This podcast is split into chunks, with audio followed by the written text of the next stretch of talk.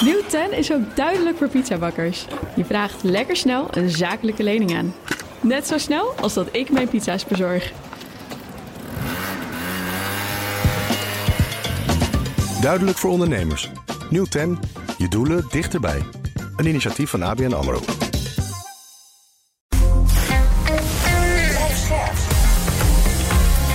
BNR Nieuwsradio. BNR breekt. Klerks. Welkom bij BNR Breekt. Vanaf half twaalf praat ik over het nieuws van de dag. Onder andere de annexatie van uh, bezette regio's in Oekraïne door Rusland. En Nederlanders gokken meer dan verwacht. In een half jaar tijd werd bijna een half miljard euro vergokt. En mijn panel vandaag, Pieter Rietman, econoom bij het Economisch Bureau van ABN AMRO. En Johnny Spek, wethouder Samenleving, Energie en Cultuur in Kattenwijk. Welkom allebei. Goedemorgen. En we beginnen met... BNR breekt. Breekijzer. Nederland moet niet meer dwars liggen. Het is tijd voor een Europees prijsplafond voor gas. En dat breekijzer heeft te maken met het pakket aan noodmaatregelen... dat ervoor moet gaan zorgen dat de energierekening uh, in de EU-lidstaten omlaag gaan. De Europese energieministers staan op het punt om dit pakket goed te keuren... maar het is nog niet helemaal rond. Een Europees prijsplafond voor met name Russisch gas... is het grootste twistpunt. Europa-correspondent Stefan de Vries legde vanmorgen uit... waarom de landen het nog niet eens kunnen worden. Nou, de pijn zit eigenlijk dat de meeste landen vinden... dat het voorstel van de commissie niet ver genoeg gaat. Um, van de week hebben 15 landen een brief gestuurd naar de Europese Commissie... waaronder België, Frankrijk, Spanje, Polen... Uh, met een oproep om dat prijsplafond uh, uit te breiden. Uh, en niet alleen voor Russisch gas. Um, dus, dus eigenlijk gaat het allemaal niet ver genoeg.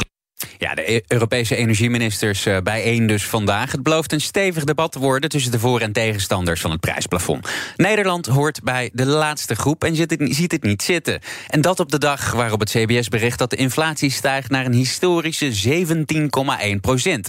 En die stijging is voor een heel groot deel te verklaren door de hoge energieprijzen.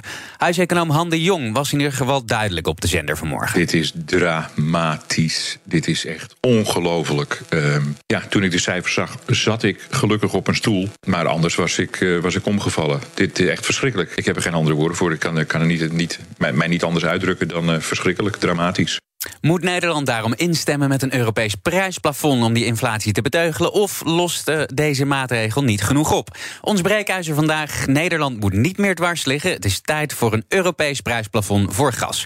Bel 020 468 4 Wil je niet bellen, maar wel stemmen? Doe het dan via de stories van BNR Nieuwsradio op Instagram. Aan het eind van het half uur krijg je een tussenstand van me. Bij ons digitaal uh, is olie- en gasexpert Ronald de Zoete. Goedemorgen.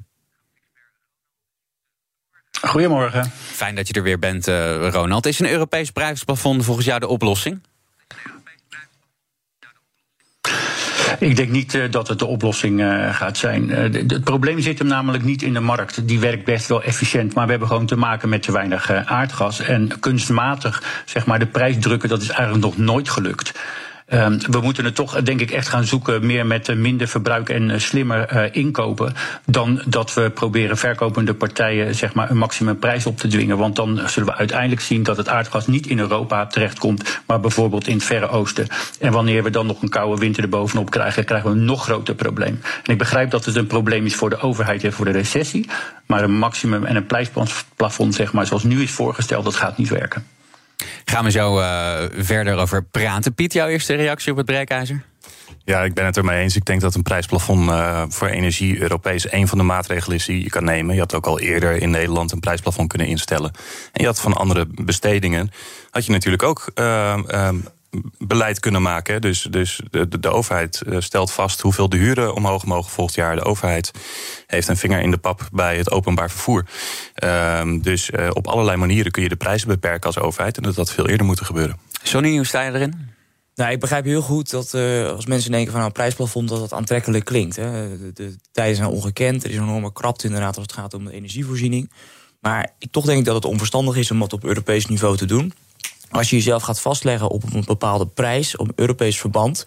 Terwijl we zien dat er inderdaad uh, krapte is qua uh, gasvoorziening.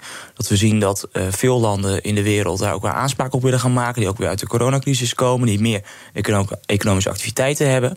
Dan zet je jezelf dus heel erg vast. En dat is denk ik een slechte zet om te doen.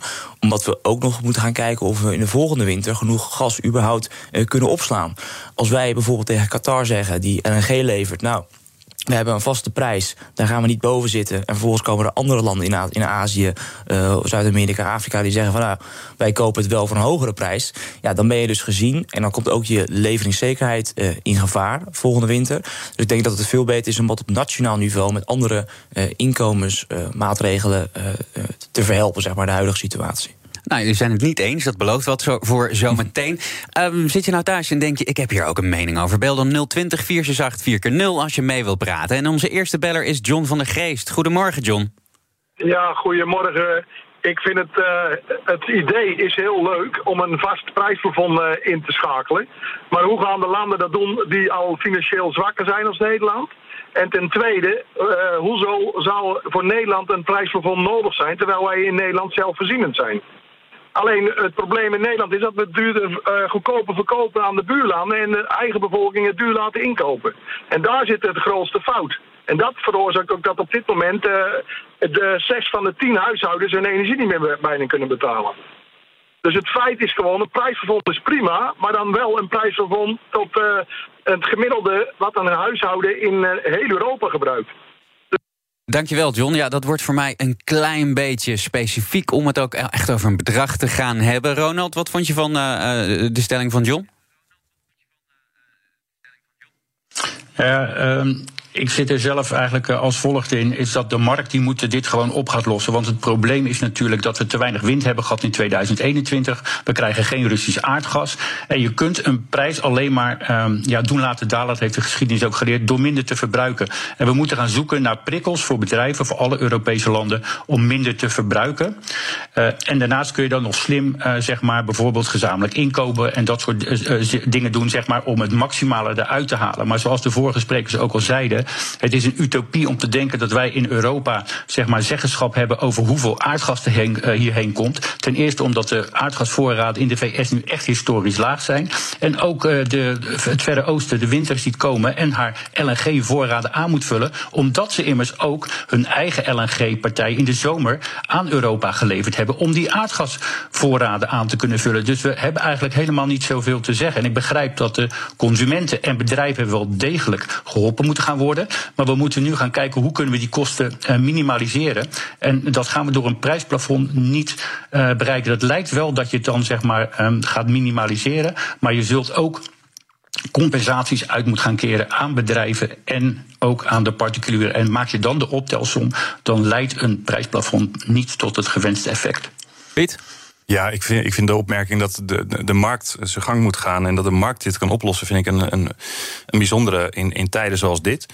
Uh, we zien juist dat marktwerking ervoor zorgt dat, een, uh, een, een, dat goederen, die, uh, goederen en diensten die mensen nodig hebben ineens onbetaalbaar kunnen worden. Uh, nou, dat, dat, dat, in dit geval gaat het specifiek om energie wat elk huishouden nodig heeft.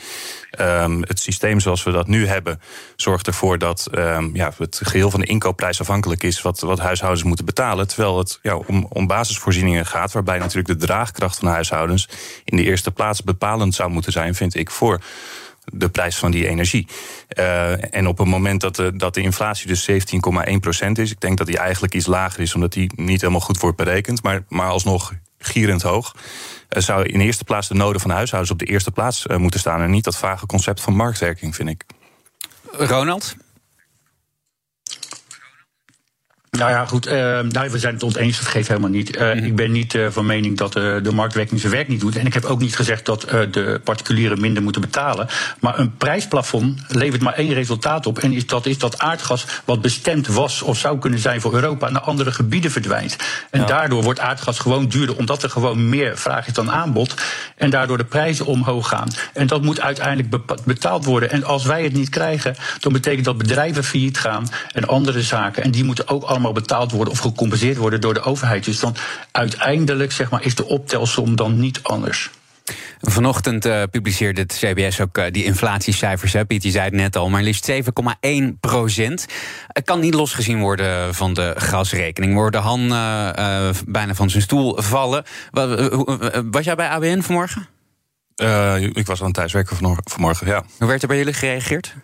Nou, kijk, we, in de eerste plaats is het, uh, is het een ontzettend hoge inflatie, 17,1 procent. En dat betekent dat de koopkracht van huishoudens heel, heel hard daalt. Uh, mm -hmm. Dat kan gevolgen gaan hebben voor de consumptie en daarmee voor de economische groei. Dus als, als economen vinden we het in de eerste plaats heel zorgelijk.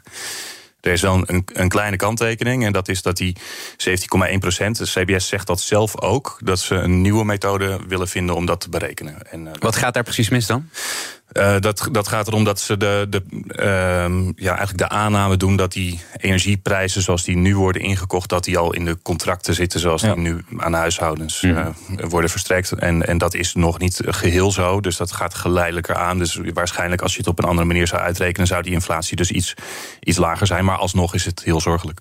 Johnny, uh, jij hebt als wethouder energie in je portefeuille. Ik kan me voorstellen dat je um, met dit soort uh, inflatiecijfers en met het nieuws wat we horen over uh, de energiecrisis, dat, dat, dat, dat je toch wel dat je je zorgen maakt. Ja, natuurlijk. Nee, en daar zijn we ook heel druk mee bezig. Net zoals heel veel andere gemeenten natuurlijk, om met een plan te komen om energiearmoede te bestrijden. ik heb daar wel gezegd dat we natuurlijk wel samen moeten dat doen met het Rijk. Nou ja, het Rijk heeft natuurlijk ook aangekondigd dat ze met, uh, met maatregelen gaan komen. Ook met een uh, vrij fors pakket uh, later dit jaar dat in zal gaan. Dat is ook precies mijn opmerking bij dit onderwerp. Als je natuurlijk maatwerk wil leveren als land, van hoe, hoe wil je dit gaan insteken, hoe wil je mensen gaan compenseren. Als je dat op Europees niveau gaat doen, dan is het toch al hoog over. Dat is voor iedereen hetzelfde. Terwijl je juist ook tussen landen natuurlijk enorme verschillen ziet over welke energie ze gebruiken. En Nederland is natuurlijk echt een land dat gebaseerd is op, op aardgas, laat ik het zo zeggen en ook weer andere belangen hebben. Dus um, ik denk dat het goed is dat het Rijk ook zelf nu dus met een soort prijsplafond komt. Hè, voor een gemiddeld uh, huishouden uh, gaat aangeven dat er wordt gecompenseerd. Um, en dan kan je daar dus ook goed op inspelen. Maar als je het op Europees uh, niveau gaat, gaat proberen te bereiken, dan komt dus ook de leveringszekerheid in gevaar. Um, en ik denk dat we daar de afgelopen jaren al vrij weinig aandacht voor hebben gehad voor de leveringszekerheid. Nu zien we dat die onder druk komt te staan. Dus dan moet je deze waarschuwing ook serieus nemen. En we hebben er helemaal niks aan als in inderdaad uh, het gas naar andere delen van de wereld gaat. En dat we er dus helemaal geen aanspraak op kunnen maken. Maar het gaat over de vraag over de gemeente. Nou, we zijn er heel druk mee bezig. Uh, dus op de korte termijn uh, voor de armoederegelingen kijken wat we kunnen doen. Mm -hmm. Om dat te verbreden. En tegelijkertijd ook natuurlijk inzetten op, op isolatie. Om ook structureel energiearmoede tegen te gaan. Want daar hebben we eigenlijk de afgelopen jaren in Nederland... denk ik te weinig aandacht aan besteed. Ronald, um, een grote groep uh, Europese lidstaten is, is wel voor dit, uh, dit uh, prijsplafond op gas. Zij zullen natuurlijk ook de economen en olie- en gasexperts in huis hebben die, die met dezelfde informatie werken als jij. Waarom denk je dat zij dan toch voorstander zijn? Ja, de vraag is of zij voldoende kennis hebben van die, van die gasmarkt. Want ik vraag me af van hoe je dat dan voor je ziet dat wanneer je tegen een verkoper zegt van ja, je mag niet uh, boven die prijs verkopen, dat je dan daadwerkelijk denkt dat je als Europa zeg maar dat uit kan maken, terwijl de rest van de wereld ook gewoon energie nodig heeft voor haar bevolking. Dus ik heb het idee dat men denkt dat het een heel aangenaam concept is en het klinkt ook heel goed als je het uh, even heel snel zegt, maar wanneer je realiseert dat uh, wanneer de prijs zeg maar niet naar de zin is van de verkoop, hij zijn LNG-tankers de andere kant op gaat sturen, ja, dan heb je binnen één, twee weken de conclusie dat je eigenlijk nog minder aardgas krijgt dan dat je al gehoopt had. En ik ben bang dat daar dus een beetje een optimistisch denken in zit. Dat de verkoper dan wel luistert naar de inkopers. Maar de verkopers die luisteren naar de inkoper die het meeste wil betalen. En dat is denk ik. Uh, BNR breekt. Connor Klerks. Je luistert naar BNR Breek. Met vandaag mijn panel Piet Rietman, econoom bij het Economisch Bureau van ABN AMRO... en Johnny Spek, wethouder Samenleving, Energie en Cultuur in Katwijk. Bij ons digitaal, en sorry voor de onderbreking net... Ronald de Zoete, olie- en gasexpert. We praten over het breekijzer. Nederland moet niet meer dwars liggen. Het is tijd voor een Europees prijsplafond voor gas. Wil je reageren? Bel dan 020 468 4 of stem in de stories op Instagram... BNR Nieuwsradio. Zoals gezegd uh, stuiten de plannen voor een prijsplafond nog op verzet binnen de EU. Ook CDA-europarlementariër Tom Berendsen is er uh, niet echt een voorstander van, geloof ik. Nu bij ons in de uitzending. Meneer Berendsen, goedemorgen. Nee, geen meneer Berendsen, helaas. Dan uh, gaan we uh, gewoon verder met Ronald de Zoet. Het spijt me dat ik net wat instart door je heen. Um, uh, we hadden het over, uh, over, over, over de, de, de, meningsverschillen binnen Europa. Hè. Dat, dat, uh, is, is er geen sprake van enig schaalvoordeel als je zegt de Europese Unie? We hebben de afgelopen jaren geleerd dat wij op het wereldtoneel, op, op bijvoorbeeld als regelmacht, wel behoorlijk wat invloed kunnen uitoefenen. Geldt dat hier niet?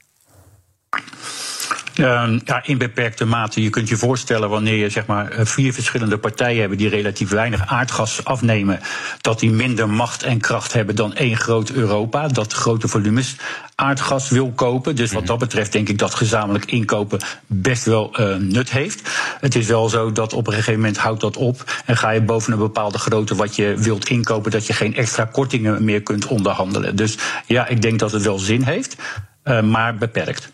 Hmm. Bij ons inmiddels, als het goed is, wel Tom Berends, CDA-Europarlementariër. Goedemorgen. Goedemorgen. U bent het, als ik het uh, goed begrepen heb, uh, ook oneens. Hè? U, u, bent geen voorstander van een uh, Europees prijsplafond. Nee, omdat dit prijsplafond wat, wat een aantal landen in Europa willen... Is, is niet een prijsplafond voor huishoudens... maar is inderdaad een prijsplafond... waardoor wij als Europa zeggen... we betalen nog maar een x-bedrag voor gas op de wereldmarkt. Mm -hmm. En dan varen die LNG-schepen gewoon naar Azië toe. Dus ik denk dat dat uh, onverstandig is. Uh, ik hoor net iets zeggen over gezamenlijke inkoop. Kijk, ik snap natuurlijk, Nederland en Duitsland hebben diepe zakken. Maar in Zuid-Europa zijn die zakken veel minder diep. Dus zij zoeken naar een manier om te kijken van hoe kunnen we minder betalen voor gas. Dan laten we dan de Europese marktmacht inzetten. De landen die dat willen gezamenlijk inkopen. En waar ik denk dat ook nog wel een mogelijkheid ligt, is dat je met leveranciers gaat zitten die nu gas leveren. En je zegt, luister, we kopen niet voor het komende jaar gas. Dat willen we wel, maar we willen een veel langer contract. En de eerste jaren nemen we gas af. En daarna gaan we samen uh, zorgen dat we waterstof kunnen afnemen van jullie. Uh, en ook op die manier kun je denk ik de prijs een beetje drukken. Dus een beetje de, de gezamenlijke kracht slim inzetten. Ja, u noemde net al uh, Duitsland en ook de, de onderlinge verschillen. Duitsland is bereid om veel meer te betalen voor gas dan bijvoorbeeld een Zuid-Europees land. Is dat wel eerlijk om zeg maar los van elkaar, elkaar te gaan beconcurreren als u inderdaad zegt, ja, sommige landen zoals Duitsland hebben veel diepere zakken? Nou, kijk, ik begrijp dat ieder land op dit moment alles doet om ervoor te zorgen dat de winter doorkomen, dat de huishoudens en de bedrijven de winter doorkomen. Of dat het eerlijk is, daar kun je een vraagteken bij zetten. Uh, maar wat vooral denk ik belangrijk is, ik ben ook benieuwd naar de mening van de energie-expert op dat gebied, maar dat natuurlijk als iedere lidstaat afzonderlijk bij, bij uh, uh, gasproducenten zich meldt en tegen elkaar gaat opbieden, dan duwt dat ook de prijs van de markt omhoog. dus ook daar denk ik dat we willen veel gas hebben. Laten we dat proberen te bundelen. Uh, en dan uh, bied je elkaar niet over bij, bij producenten. Wellicht dat dat ook nog wat met de prijs kan doen. Ronald? Ja, dat, uh, dat onderschrijf ik helemaal. Als je het natuurlijk ehm, in het voorbeeld zeg maar, van vier kopers hebben. En we, we weten dat er in een LNG-tanker bijvoorbeeld 100 uh, eenheden gaat. En de ene koopt 25, de ander 25, de ander 25 en nog eens keer 25. Dan heb je inderdaad vier kopers in de markt. En eigenlijk als we koper 1 gekocht heeft, dan stijgt de prijs wanneer koper 2 gekocht heeft. Vervolgens wordt weer de prijs verhoogd en zo gaat het door. Dus inderdaad heb je dat effect wanneer je meerdere kopers hebt, dat er een opdrijvende kracht komt onder die gasprijs. Dus een gezamenlijk inkoop voorkomt dat dan in ieder geval wel dat er minder partijen zijn die tegen elkaar uh, opspelen. Dus uh, ja, dat een stukje van gezamenlijke inkopen zie ik zeker. En daarnaast denk ik ook dat we uh, alle kennis vooral moeten bundelen binnen Europa van die gezamenlijke inkopers. Om een goed marktbeeld te krijgen van die aardgasmarkt. Zodat er wat mindere inkopers zeg maar, bij bedrijven, gewoon omdat daar gewoon minder geld of minder tijd is. dat die voordeel kunnen hebben van alle kennis die er is van handelaren en producenten en consumenten binnen Europa. Dus gewoon slimmer inkopen door hele actuele marktkennis te hebben. En daarmee kun je ook nog wat voordeel behalen.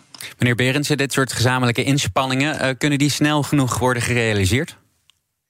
Ja, um, kijk, het, het, is een onderdeel van een veel groter pakket in Europa op dit moment. Het belangrijkste wat vandaag op tafel ligt, uh, is dat uh, de, de, de overwinsten die windmolenparken, zonneparken op dit moment hebben doordat zij geen gas gebruiken, maar wel de gasprijs uh, op de markt krijgen. Die overwinsten kunnen nu, als het goed is, na vandaag afgeroomd gaan uh, worden. Datzelfde geldt voor een solidariteitsheffing voor olie- en gasbedrijven. En op het moment dat lidstaten dat kunnen doen, uh, ja, dan kun je natuurlijk grote compensatiepakketten inzetten. Ik denk dat dat heel erg gaat helpen bij de huishoudens, bedrijven en hopelijk ook bij verenigingen. Ehm, en eh, ja, die gezamenlijke inkoop, die kennis bundelen. Ja, we zullen echt in Europa samen moeten kijken hoe, hoe kunnen we ons iets steviger op die markt uh, neerzetten zonder dat we elkaar gaan beconcurreren. En er zijn echt nog wel wat stappen mogelijk. Denkt u dat, uh, dat de plannen waar u voorstander van bent, het halen als de, het, het plan van het prijsplafond sneuvelt? Het, het, plan van het prijsplafond denk ik dat in de vorm zoals de, de, landen het voorstellen gaat sneuvelen. Omdat dat ook gewoon niet gaat werken. Dat, is, uh, dat kan onze leveringszekerheid in gevaar brengen. De andere voorstellen gaan er denk ik doorkomen met op 1, 2 en 3 wat mij betreft wel energiebesparing. Want daar hebben we natuurlijk nog een, een flinke slag te winnen. Eh, kan ik wat vragen? Zeker. Dus, ja, u geeft aan geen voorstander te zijn van het, uh, van het prijsplafond. Maar tegelijkertijd wordt er ook voorgesteld om een prijsplafond in te stellen voor Russisch uh, gas. Um, nou, dat lijkt mij persoonlijk wel een goede zaak, ook gewoon vanwege de geopolitieke verhoudingen. Hoe kijkt u daar uh, precies naar? Ja, ik, ik ben dus geen voorstander van het prijsplafond. Uh, en uh, voor wat betreft prijsplafond Russisch gas ligt, naar ik meen, ook niet meer op tafel. Uh, maar is in de praktijk ook op dit moment niet meer zo bijzonder, omdat wij op dit moment nog maar heel weinig Russisch gas krijgen. Um, en dat is denk ik vooral een, een, symbolische maatregel, ook een morele maatregel waarin je zegt, luister, wij willen niet die oorlogskas van Poetin verder spekken. Dus uh, de, het effect daarvan op onze leveringszekerheid is denk ik heel beperkt. Um, en ja, moreel gezien denk ik dat je daar alleen maar achter kan staan. Mm. En heeft uh, de situatie rondom Nord Stream 1 en 2, want die explosies daar, heeft dat nog de, de, de zaak veranderd voor jullie in Brussel? Nou, wel dat de, je ziet dat de paniek natuurlijk op de markt weer uh, is toegenomen. Dat zie je in de prijzen terug. Ik denk de belangrijkste les die wij moeten leren daaruit is dat onze kritieke infrastructuur kwetsbaar is. En dan die Nord Stream pijpleiden, dat kunnen we, dat kunnen we leiden, om het zo maar even te zeggen. Maar de pijpleiding vanuit Noorwegen bijvoorbeeld en eventuele datakabels en kabels in de toekomst vanaf windparken, ja, die zijn voor ons wel echt essentieel, ook in onze leveringszekerheid en ons uh, communicatieverkeer. En dat betekent dat lidstaten uh, in samenwerking nu echt aan de slag moeten met, met ja, het beschermen en het beveiligen van dit soort kabels onder zee, want dat gebeurt nu nog veel te weinig. Tot slot, meneer Berendsen, we hadden het even over die, uh, die landen die dus voorstander zijn. Hè, en die dus ook echt, uh, waar, waar, waar de nood wat, wat, wat, wat hoger is, die, uh, die daarom voor zo'n plafond zijn. Als dat er niet komt, wat, wat kan Europa dan wel doen voor die landen om toch een beetje solidair te blijven?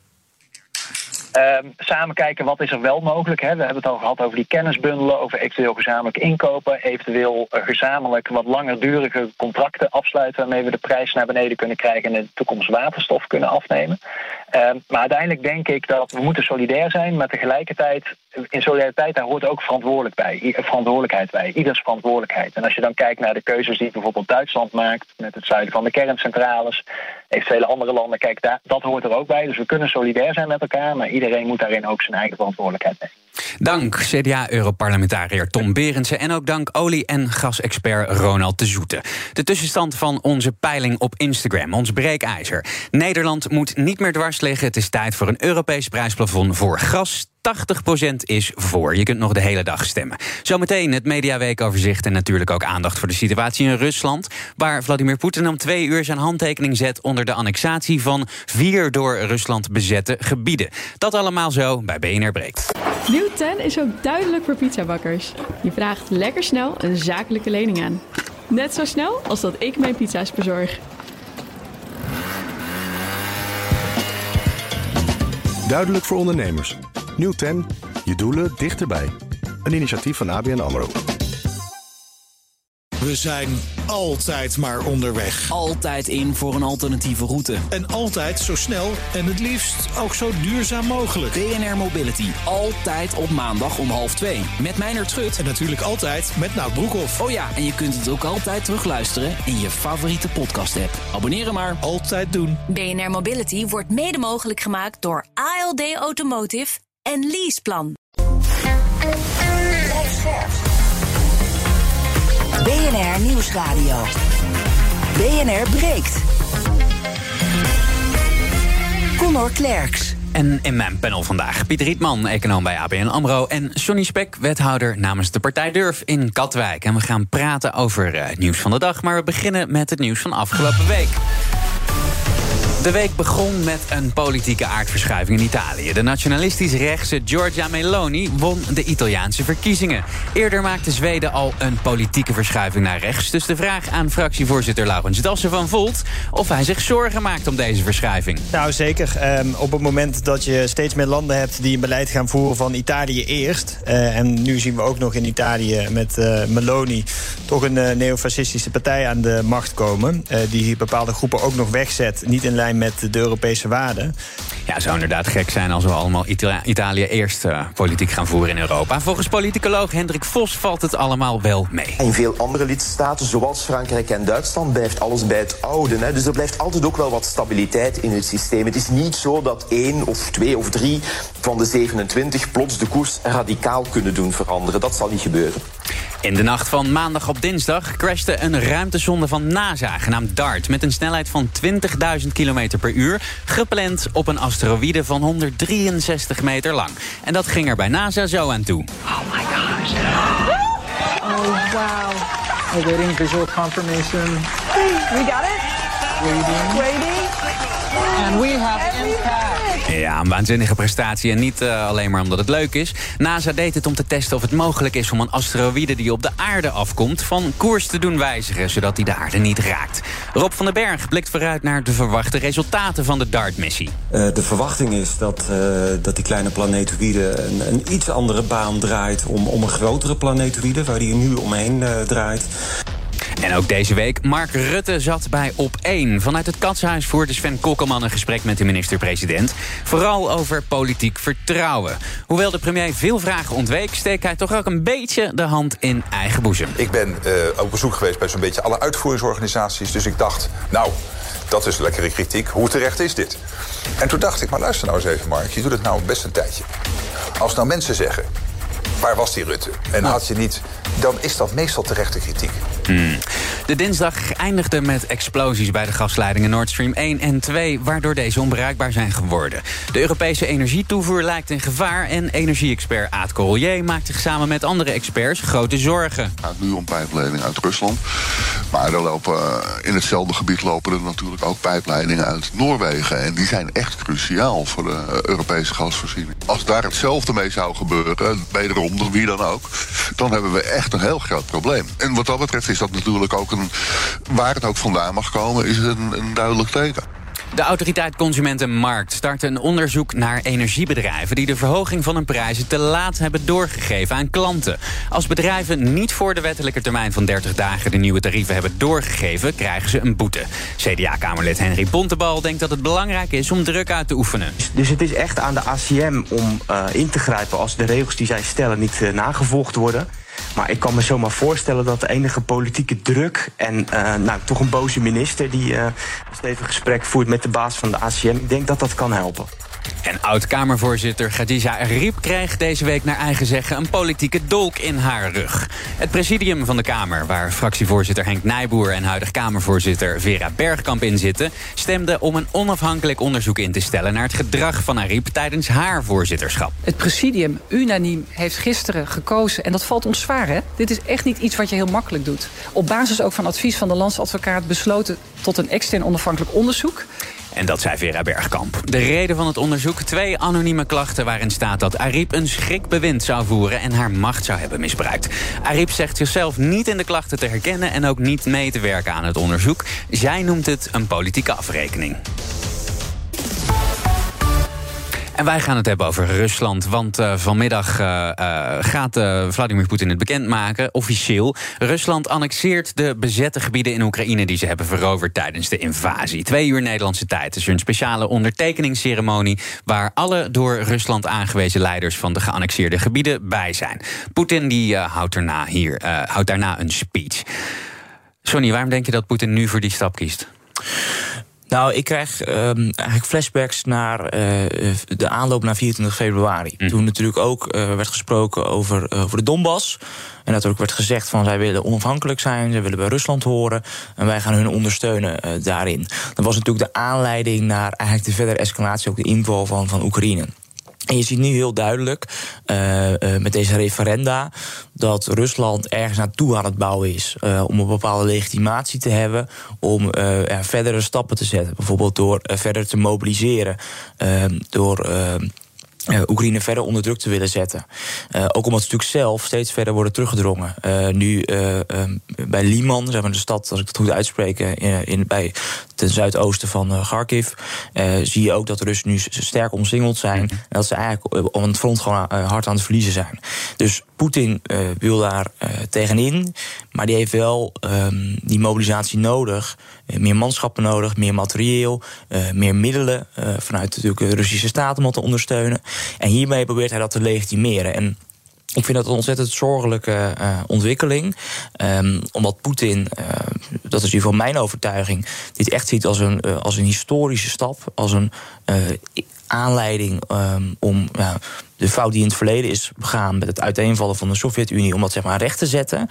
En het ook dus ideologisch gedreven is.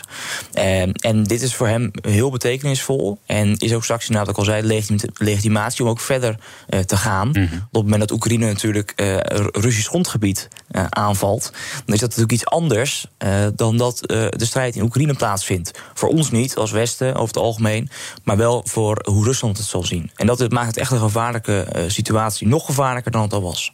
Pieter, heb je het idee dat we een nieuwe fase in gaan in het conflict? Nou, ik ben geen militair analist, maar ik vind het doodeng. En het is uh, natuurlijk wel weer.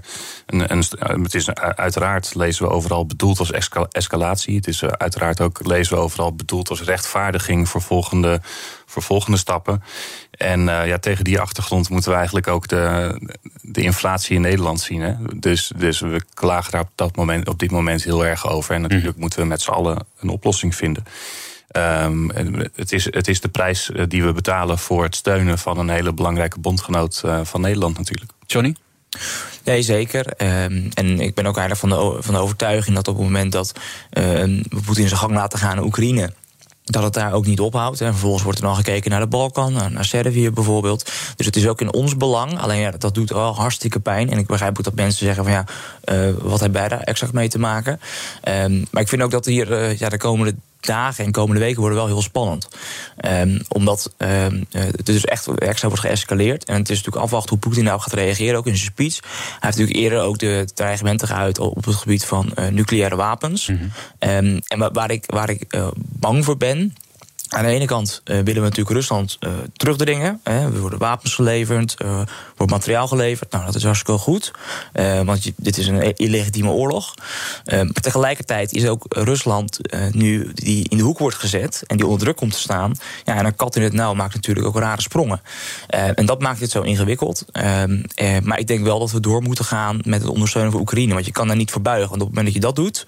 dan zullen we ook op heel veel andere plekken in de wereld zien... dat mensen bijvoorbeeld bijvoorbeeld landen de nucleaire kaart gaan trekken. Want dan wordt er niet meer gesteund. En dat is geen goede ontwikkeling. Hmm. Het is natuurlijk uh, speculeren, maar uh, hoe denken jullie dat, uh, dat de Westen hierop gaat reageren? Piet, meer sancties bijvoorbeeld? Ja, daar, daar wordt natuurlijk altijd over nagedacht. En um, kijk, met die sancties is het ook zo dat er, dat er heel duidelijk een soort ingroeipad is gekozen. Hè? Dus, dus we zitten nu aan het achtste, negende sanctiepakket ja, in Europa. En um, ja, je kunt er natuurlijk nog veel meer bedenken. Uh, veel meer economische sancties bedenken. En, maar ja, met economische oorlogsvoering is het zo dat het aan beide kanten pijn doet. Dus het wordt hoe dan ook niet leuk. Nee. Nee, ondertussen pleit uh, Tweede Kamerlid Sjoerd Sjoerdsma ervoor dat alle Nederlanders vertrekken uit Rusland. Als je beseft dat de VS en het VK zeggen Eigenlijk iedereen moet er nu uit. Dit is je laatste kans. Er gaan geen vluchten meer naar Europa. Finland uh, uh, heeft de grens gesloten, gaat de grens sluiten. Het is even onduidelijk wat de situatie daar op dit moment is. Maar het gaat niet lang meer duren. Ja, dan vraag ik me eigenlijk af waarom dat reisadvies van het ministerie van Buitenlandse Zaken niet al lang op rood staat. Met het dringende advies aan iedereen. Of je daar nu tijdelijk bent of permanent woont om onmiddellijk te vertrekken. Sony is een beetje gek, hè? Dan, uh, oranje, uh, oranje reisadvies voor Rusland momenteel. Ja, en volgens mij heeft de Verenigde Staten ook al gezegd... dat inwoners zo snel mogelijk moeten vertrekken. Nou, dat deed me, gaf me ook een déjà vu aan februari, ja. toen dat werd gedaan. Dus ja, het lijkt mij, zeg ik even van de afstand... verstandig om dat ook op Nederland te doen. En we zijn hier natuurlijk ook al direct bij betrokken. Hè. We zeggen natuurlijk van het is een conflict van Oekraïne tussen, tussen Rusland en Oekraïne. Als je ziet wat er nu met Nord Stream gebeurt... Als je ziet dat we natuurlijk ook wapens leveren, dat Oekraïne financieel wordt ondersteund. We zijn al betrokken bij dit conflict. Uh, dus uh, daar zal Rusland ook niet uh, ja, zeg maar het Westen in sparen. Dus daar moeten ook Nederlanders die in Rusland zijn ook goed, goed op letten. Nieuw 10 is ook duidelijk voor pizzabakkers. Je vraagt lekker snel een zakelijke lening aan. Net zo snel als dat ik mijn pizza's bezorg. Duidelijk voor ondernemers. Nieuw 10. Je doelen dichterbij. Een initiatief van ABN AMRO. We zijn altijd maar onderweg. Altijd in voor een alternatieve route. En altijd zo snel en het liefst ook zo duurzaam mogelijk. BNR Mobility. Altijd op maandag om half twee. Met Meijnerd Schut. En natuurlijk altijd met Nout Broekhoff. Oh ja, en je kunt het ook altijd terugluisteren in je favoriete podcast-app. Abonneren maar. Altijd doen. BNR Mobility wordt mede mogelijk gemaakt door ALD Automotive en Leaseplan. Zo. BNR break. Ik hoop wel, ik hoop wel dat de Russische speed wordt vertaald. Um, ik, ik kan je geruststellen. Maar, eh, misschien is het handig als je Engels wel uh, van voldoende niveau is. Want we zijn gaan kijken of het nou in het Engels of het Nederlands gebeurt. Maar iets beter dan Russisch, dat kunnen we zeker leveren. Helemaal goed. Gaan wij het ook hebben over, uh, over het gokprobleem. Want Nederlanders gokken meer dan verwacht. En de West meldt dat er maar liefst 468, sorry, 486 miljard euro is uh, vergokt in een half, ma een half jaar tijd. Uh, uit cijfers van de Toezicht en Kansspelautoriteit blijkt dat vooral jong volwassenen actief zijn op de markt. En dat een gokker gemiddeld 153 euro per maand verliest met zijn gokpraktijken. Piet, wat, wat, wat, wat vind jij hiervan? Is het uh, goed dat, dat dat gebeurt met al die, jongen, die, die, die, jonge jongens? Ik zag Sander Schimmelpen en ik al zeggen... al die Kevins die worden eerst de crypto ingepraat... en nu uh, verliezen ze alles met gok op sportwedstrijden. Nou, dat is, uh, dat, dat is het wel zo'n beetje. Uh, kijk, het is ook zo dat als je uh, weinig uitzicht hebt op, op, een, op een leuke carrière of een leuk leven, weinig inkomen hebt, je situatie uitzichtloos is, dat zijn allemaal best wel voorspellende factoren voor de vraag of mensen gaan gokken blijkt keer op keer uit onderzoek naar gokken. En ja, met name kwetsbare jongeren, die, die, die gaan het doen. Uh, het zijn niet uh, de Sander Simmelpennings van deze wereld die het doen, maar inderdaad de Kevins. En dat is uh, een extra reden om, om dit soort maatregelen te nemen. Ja, ik versprak me trouwens. Het is natuurlijk niet 486 miljard, maar 486 miljoen euro een half jaar tijd. Nog steeds een heleboel geld. Um, hoe kijk jij tegen, deze, tegen de regels eigenlijk om gokken aan, Sonny? Um, ik denk dat het goed is dat er nu, nu extra inzet op wordt gepleegd. Uh, het was vroeger natuurlijk hartstikke leuk om naar uh, de Bruna te gaan... Uh, om een totootje in te vullen voor het weekend als, als scholier nog. Ehm, maar je ziet uiteindelijk... Wat zette je dan in ongeveer? ja, 2 euro. Ik was altijd heel, heel, heel, heel vrij beperkt. Maar op een gegeven moment um, heb je natuurlijk dat heel veel mensen er ook zo van overheen groeien. En dat het gewoon even tijd, tijdverdrijf is. Maar ook dat inderdaad kwetsbare mensen erin blijven hangen. En ik denk dat het daarom ook goed is dat bijvoorbeeld die ongerichte reclames uh, uh, niet meer naar voren worden gebracht, dat dat niet meer mag. Um, en ik vind ook dat uh, bijvoorbeeld voetbalclubs. Ik ben zelf fan van AZ en die hebben tegenwoordig ook een reclame, ja, online reclamezaak zeg maar, op hun shirt. Um, ja, daar was ook wel veel kritiek op. En dat vond ik eigenlijk wel terecht, omdat je ook als voetbalclub daar ook wel een goed voorbeeld in kan geven. Um, dus ik denk dat het goed is dat dat, dat ook nu ook in de toekomst wordt, wordt verboden. omdat je dat niet extra wil stimuleren. En eigenlijk voor het overgrote deel van de mensen zal het uh, een leuk tijdverdrijf zijn. Die worden er niet in verloren. Maar ook uh, uiteindelijk de mensen die zich daar wel in verliezen. Um, ja, daar moet je wel extra goed op letten. Gaan we naar uh, jullie eigen nieuws. Piet, jij wilt het hebben over de emissie van grote bedrijven. Vertel. Ja, um, er is een soort internationaal vergelijkend onderzoek gedaan. Mm -hmm. uh, of tenminste vergelijkend. Er zijn verschillende landen naast elkaar gelegd. En uh, de, de, de som daarvan is bekeken. En dan zie je dat 1%, uh, de 1% rijksten op de wereld ongeveer verantwoordelijk zijn voor een kwart van de uitstoot. En uh, ik denk dat dat heel waardevolle informatie is om te hebben op het moment dat we spreken met elkaar over verduurzaming en over minder gaan gebruiken van gas. Uh, het klimaatprobleem uh, is geen evenveel door iedereen veroorzaakt probleem. Maar dat is een probleem veroorzaakt door het economische systeem dat we hebben. Waarin uh, nou, redelijk veel vermogens- en inkomensongelijkheid is wereldwijd. En met name uh, de mensen die het zich kunnen veroorloven, die verpesten als het eerste het klimaat. Dat is probleem één. Het probleem twee is dat de gevolgen van klimaatverandering onevenredig hard terechtkomen bij, met mensen met, uh, met weinig mogelijkheden. Juist en, die arme landen die dus wat minder uitstoten, zijn wel de grootste dupe. Ja, precies, maar ook binnen Nederland. Hè. Dus, uh, dus, dus, dus je zou eigenlijk voor Nederland eens moeten uitzoeken welke inkomensgroepen. Uh, dan zou je bijvoorbeeld in de Nederlandse inkomens in, in groepen van 10% moeten opsplitsen. En dan zou je, zou je moeten kijken hoeveel vliegreizen maken mensen nou per jaar. Nou, dan, dan zit je aan de onderkant zit je misschien bij één of minder dan één gemiddeld per jaar. En aan de bovenkant zit je dan bij 4, 5, 6 per jaar. Ik denk dat daar een probleem zit. En dat je dus ook, als je klimaatverandering tegengaat, dat je dus ook oog moet hebben voor uh, de ongelijke veroorzaking en de, en de gevolgen ervan. En dat je ook maatregelen neemt die, die zeg maar progressief zijn, die dus hogere inkomens meer belasten dan lagere inkomens. Sonny.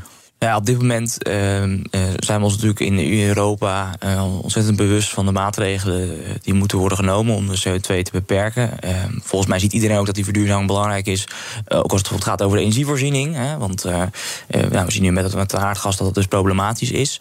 Ik denk wel dat als je kijkt naar het grotere plaatje, Europa is in die zin op de goede weg. Het gaat natuurlijk wel een tijd duren. Dat is een proces niet van een jaar, niet van tien jaar, maar van dertig jaar. Ehm, als je kijkt naar het grotere plaatje, denk ik wel dat ook in de gebieden die nu minder uitstoten, die zullen op een gegeven moment natuurlijk ook economisch verder ontwikkelen. Er zal ook meer uh, vraag zijn naar uh, goedkope uh, en betrouwbare energiebronnen, nou, zoals bijvoorbeeld kolen, zoals gas. waardoor ook, ook die uitstoot in die gebieden flink zal gaan stijgen de komende jaren, omdat die niet gelijk zullen verduurzamen. En als je dat ook nog eens combineert met een grotere bevolkingsgroei de komende decennia, denk ik dat daar wel de grootste uitdaging zit. En dan kan je er natuurlijk voor kiezen om die euro uh, in Europa uit te geven voor die verduurzaming.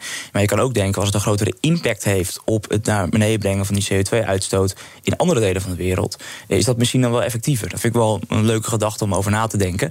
Um, omdat we natuurlijk ons nu heel erg hebben toegespitst op wat kunnen we zelf doen. Maar misschien uh, is het ook juist goed om te kijken van wat kan je in wereldwijd uh, opzicht doen. En is dat niet juist meer winst? omdat je denk ook over de landsgrenzen moet heen kijken. Ja, ik vind het een hartstikke interessant idee, inderdaad. Uh, het is ook een beetje, de, de timing uh, is ook heel erg, uh, voelt ook heel erg onrechtvaardig. Hè? Dus, dus rijkere landen verpesten het klimaat.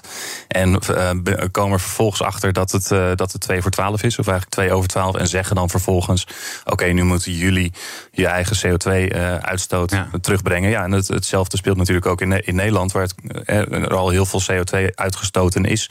De afgelopen, de afgelopen decennia. Het klimaat. Als die landen zeggen: Ja, even Europa en Amerika. Jullie hebben dit de afgelopen 30 jaar wel gedaan. En daardoor zijn jullie zo ontzettend rijk geworden. Dan Juist. hebben ze wel een punt. Ja, precies. Dus, dus in die zin is het ook nou ja, onderdeel van uh, is klimaatverandering ook onderdeel van het wereldwijde economische systeem dat ongelijkheid in de, in de hand werkt. Um, en eh, of het nou uh, goedkope arbeid is elders uh, waar misbruik van wordt gemaakt, of dat het klimaatverandering is. Maar het zijn, het zijn allemaal exponenten van, van een economisch systeem wereldwijd met redelijk veel ongelijkheid. En ik denk dat je het ook in, in, in dat licht moet oplossen. Dus ik vind het wel heel interessant om dan te kijken hoe kun je die landen gaan compenseren. Ja, Johnny, ten slotte, jij wilde het hebben over het VN-veiligheids, uh, de VN-Veiligheidsraad. Die uh, komen bijeen naar aanleiding van de lekken in de Nord Stream-pijplijn. Ja, klopt. Ja, daar, daar is denk ik iedereen ontzettend van geschrokken wat daar natuurlijk is gebeurd. En de VN-veiligheidsraad komt nu bij elkaar. Dat was op initiatief van Rusland. Uh, waar ook al een aantal mensen verbaasd over waren. Ja. En de Russische inlichtingendienst heeft nu ook het Westen beschuldigd van betrokkenheid bij, het lekken van, uh, bij de lekken van Nord Stream 1 en 2. Uh, nou, ze zouden daar dan ook bewijs voor hebben, bepaalde voetafdrukken, zoals ze het zelf noemen. dus ik ben ontzettend benieuwd waar ze, waar, waar ze mee gaan komen. en het is ook wel ontzettend interessant wat er daar gaat gebeuren. Um, omdat natuurlijk ook eerder uh, Biden een uitspraak had gedaan over Nord Stream uh, 2. Want dat, dat, dat gaat niet door, dat, dat, dat moet niet uh, gebeuren. Daar gaan we wel voor zorgen. Nou, het was een beetje cryptisch, ook een hele andere setting. Maar dat werd er natuurlijk gelijk uitgelicht van... oh, nou hebben, hebben de Amerikanen het misschien gedaan. Uh, en nu ook weer dit vanuit de Russische inlichtingendienst. Nou, zelf ben ik daar niet uh, van overtuigd. Maar het is wel interessant om te zien hoe men dat dan probeert te framen. Um, en ik ben ook heel erg benieuwd naar wat meer denk ik, onafhankelijke onderzoeken... wat daar nou precies is gebeurd. Ja. En ja, dat moeten we nog even afwachten. Zeker. Um, ja, we gaan, uh, zodra we het weten, gaan we daar, uh, daar natuurlijk over berichten. Zometeen gaan we natuurlijk naar de column van Toon Gerbrands. Maar niet voordat ik mijn panelleden heb bedankt. Pieter Rietman, econoom bij ABN AMRO. En Johnny Spek, wethouder in Katwijk namens de partij Durf. Maandag is BNR Breekt er weer. Tot die tijd volg je BNR via de socials zoals YouTube, Instagram en Twitter. Zometeen BNR Zaken doen met Thomas van Zijl. Inclusief de speech van Vladimir Poetin en een simultane uh, vertaling. Maar traditiegetrouw sluiten wij de week af met managementgoeroe Toon Gerbrands. Tot volgende week. BNR breekt. De toon van de week. Een leider moet uitgerust zijn om de juiste beslissingen te kunnen nemen. Als je dat niet meer snapt, dan doe je heel veel mensen tekort. Afgelopen week was er eens een schrijnend voorbeeld. Voor me op tafel ligt hem uit te reiken. De gele kaart. Deze wordt uitgereikt aan Sigrid Kaag. Zij is de minister van Financiën in ons kabinet. In een radio-uitzending, een dag na Prinsjesdag, was zij te gast bij de radiozender NPO 1.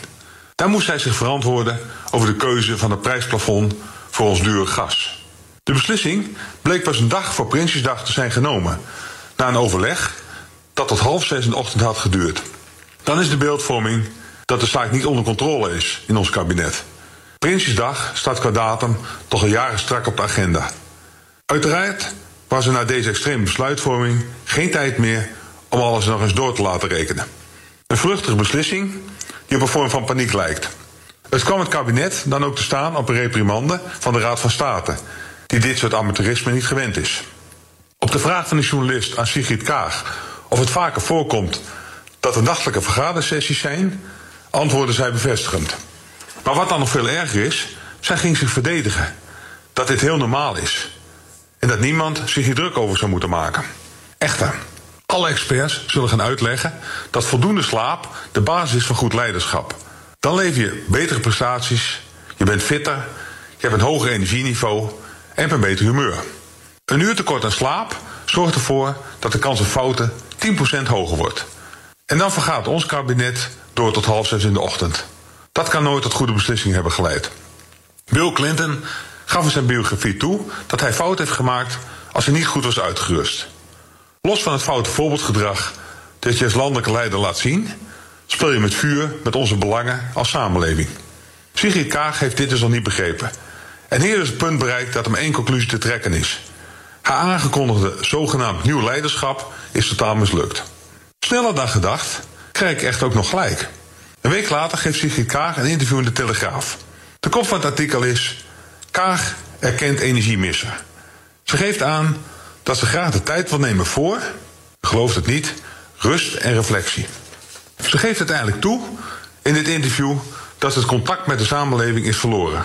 Rob Jetten moet volgens haar op een soort luistertour het land ingaan. Ze heeft er zelf waarschijnlijk geen tijd voor. Ik vraag me af of Sigrid Kaag door iemand gecoacht wordt. Ook dat is een vorm van reflectie. Ik heb heel wat mensen met coaching geholpen. Maar die zitten allemaal niet in het kabinet. Maar runnen wel succesvolle bedrijven. Op naar de volgende week van Toon.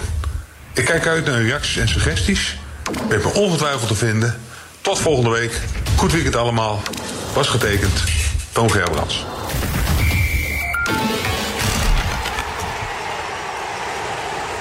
Nieuw 10 is ook duidelijk voor pizzabakkers. Je vraagt lekker snel een zakelijke lening aan. Net zo snel als dat ik mijn pizza's bezorg.